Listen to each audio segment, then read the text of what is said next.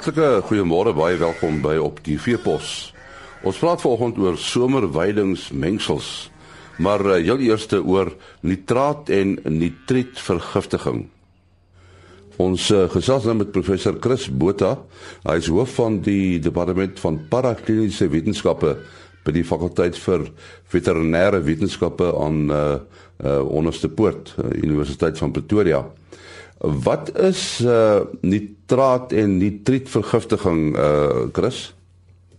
Dit is 'n uh, vergiftiging wat voorkom hoofsaaklik in herkouers. Die nitraat word in herkouers soos beeste, skape, bokke word dit in hulle groot pens omgeskakel na nitriet en dit is eintlik die nitriet wat dan geabsorbeer word en dan beïnvloed dit in die bloed die pigment hemoglobien en die hemoglobien word dan omgesit na methemoglobien wat dan nie suurstof kan dra nie en daar's dan 'n suurstoftekort in die weefsel van die diere. Nou, hoe kry die uh, die die beeste hierdie uh, toestand?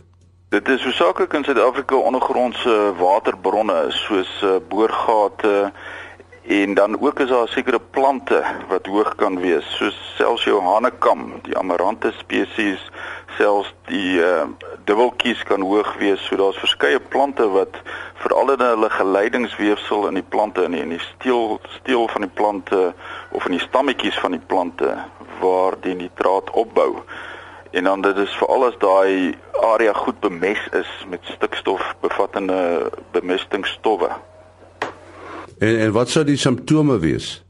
Die simptome is hoofsaaklik as gevolg van die suurstoftekort word die respiratoriese stelsel, die asemhalingsstelsel geaffekteer en daar's daar's moeilike asemhaling en dan ook omdat daar dan 'n tekort aan suurstof in die brein is, kry jy verskillende senuwee tekens, jy weet van bewing, hulle styr rond en dan ook die uh kardiovaskulêre stelsel word geaffekteer. So daar's 'n uh, verwyding van die bloedvate en die dier kan dalk net soos flou val. Hy val net neer as gevolg van die geweldige daling in die bloeddruk. Uh, hoe sê jy weet dat jy nou hierdie plante op die plaas het en dalk uh, verkeerde ondergrondse water? Kyk, dit moet maar geanaliseer word. Die water kan geanaliseer word vir en ook die plante kan geanaliseer word vir die konsentrasie van nitrate en nitriete wat kan voorkom. En die watermonsters moet net geneem word. Daar kan 2 2 liter watermonsters geneem word van as die boorgat eers 'n bietjie geloop het want daar nie presipitering van soutte is nie versamel dan water. Jy kan ook in die in die drinkbak waar die diere gedrink het kan jy water versamel want daar kan konsentrasie plaasgevind het met verdamping van die water en dan uh, die monsters instuur na uh, die instituut vir grond klimaat en water of na onderste poortse toksikologie laboratorium en hulle kan dit analiseer en dan by onder onderste poortse toksikologie laboratorium kan hulle ook die plantweefsel ekstraheer op 'n manier en dit dan uh, analiseer om te bepaal wat is die konsentrasies. Uh, hoe wyd kom hierdie probleme in ons land voor? Dit kom redelik wyd voor, maar dit is hoofsaaklik in die meer droër gedeel gedeeltes, jy weet die Noord-Kaap, eh, die Karoo areas en dan in Limpopo provinsie. So dis 'n redelike wye probleem. Maar nitraat, nitrietvergiftiging kan ook plaasvind enige plek waar daar bemestingstowwe uh, gemors is in 'n land byvoorbeeld en dan die diere neem dit in waar daar nitrate in die bemestingstowwe is. Hulle sal dit vreet as hulle byvoorbeeld 'n sout honger het. En as jy mens nou rantsoene saamstel, wat wat moet boere in gedagte hou? Nee, die boer moet maar net, jy weet, eh, wat wat se voedingsstowwe word ingesluit in die rantsoene. Jy weet, dis ook as gevolg van uh, dit van die ehm um, uh wat krops uh, in Afrika, die die uh weidingsgewasse wat geplant is. Hulle moet seker wees uh, dat hulle nie baie hoë vlakke van die nitrate in het nie. Maar 'n goeie verdunning is as daar 'n goeie 'n gemengde komponent is, dan behoort dit nie 'n probleem te wees nie. En daar moet darm 'n redelike hoë vlakke van die nitrate in die voer wees voordat jy vergiftiging gaan kry. En wat wat sou die behandeling wees as so dier vergiftig is? Dit moet maar hoofsaaklik deur 'n veearts gedoen word want hy moet uh, intraveneus binne aars moet hy met 'n leen blou inspuit. En dit is uh, redelik krities, jy weet dat dit binne aars gedoen moet word en die dier moet gemonitor word terwyl hy behandel word. Ons sê baie dankie aan professor Chris Botha, hy is hoof van die departement van parakliniese wetenskappe by die fakulteit vir veterinêre wetenskappe aan Onderste Poort. Ons gaan nou so 'n bietjie gesels oor uh, somerweidingsmengsels. En uh, ons gaan praat met Eris Hefer van uh, Agricol. En uh, Eris uh, uh, dink so Smits vingergras. Dis dis mos 'n bekende somergras spesies wat in enige uh, weidingstelsel jy weet baie waardevol is. Verduidelik 'n bietjie hoekom is dit so? En nie, ja, smitsvingergras is baie waardevol, uh soos jy dit reg genoem het. Dit is 'n onombekende gras in Suid-Afrika. Ehm um, en ja, dit is 'n soetgras, een van die soetgras spesies.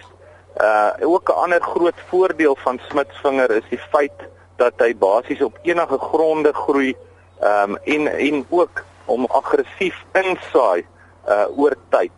Maar ja, dit is waar miskien sy enigste tekortkoming is Henny is dat hy uh, baie stadig vestig. Hy het sade wat wat rustend is. Ons noem dit dis dormante sade. So sy saad kiem nie eintlik alles die eerste jaar wat jy plant nie. Smitsvingergras se saad kiem tot so lank as oor 3 jaar en dit is waar weidingsmengsels dan nou baie belangrik raak om smitsvingergras te kombineer met spesies wat minder dormant is en wat dus vinniger vestig.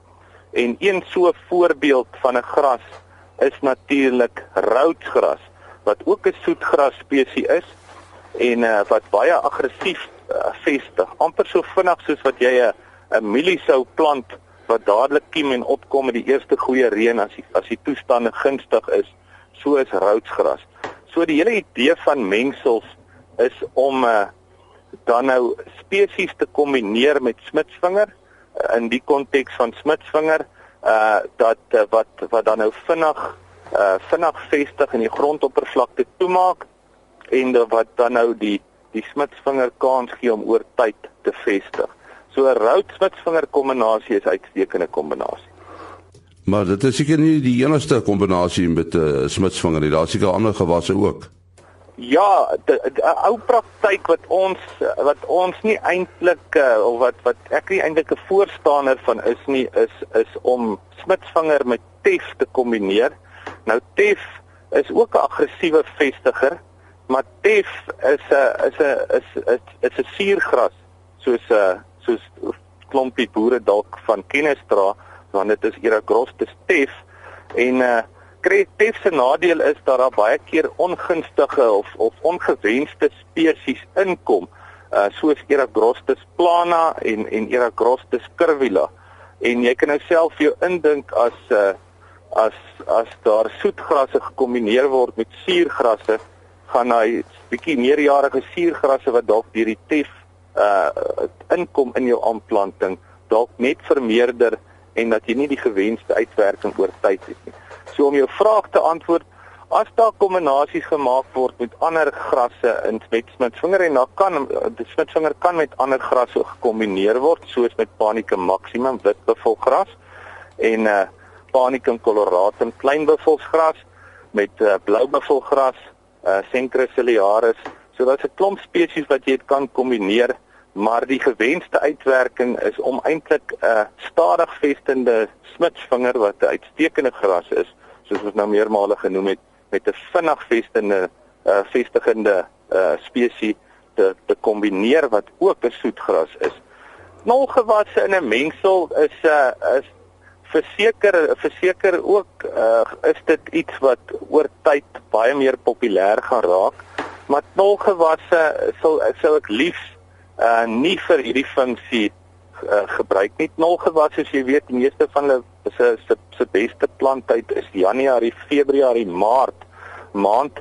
Ehm um, uh, smitsvinger of al jou subtropiese grasse soos ons die smitsvingers noem, se vestigingstydperk is eintlik Oktober, November en dan is daar ook 'n vestiging Januarie, Februarie. So daar's 'n baie klein oorvleeling van vestigings uh, vestigingstye met knolgewasse. So lief sal ek knolgewasse eerder met klein grane grane kombineer. Knolgewasse soos jy ook weet is 'n eenjarige is eenjarige gewasse. So en dit sal net eintlik stand benadeel van jou subtropiese grasse indien jy knolgewasse met met met 'n uh, ding soos smitsvinger kon sou kombineer. So as jy knolgewasse kan werk in 'n kombinasie en dit word baie effektief toegepas, maar met klein grane. Eh hoe water uh, honger is smitsvinger? Smitsvinger is baie goed aangepas vir die vir die reënval uh area van die Hoëveldstreek.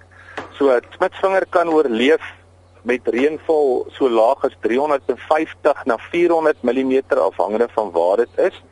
Maar absoluut floreer dit in reënval areas tussen 500 en 750 mm. So ehm um, dit is eintlik 'n baie geharde gras. Dit was uh, eh, Eris Hever en hy het gesels oor somerweidingsmengsels. Ook die einde van ons program. Ons is môreoggend om 4 voor 5 terug. Tot dan, mooi loop. Ah.